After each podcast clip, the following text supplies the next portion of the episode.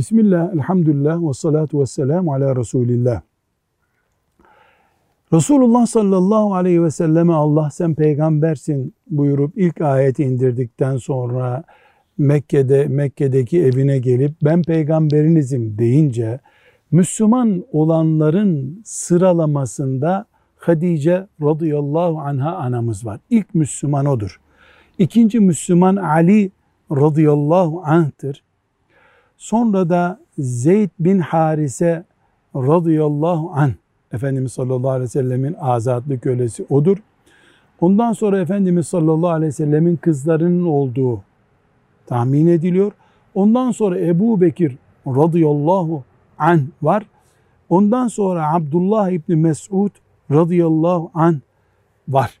Ama bu mesela bazı rivayetlerde Ebu Bekir deniyor. Yani toplumun bilinen şahsiyetlerinden manasına Ali radıyallahu anh çocuk olarak öne çıkıyor. Bu rakam Kur'an'la sabit değil.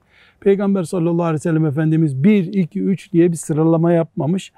Bize intikal eden bilgilerden böyle bir derleme yapılabiliyor. Velhamdülillahi Rabbil Alemin.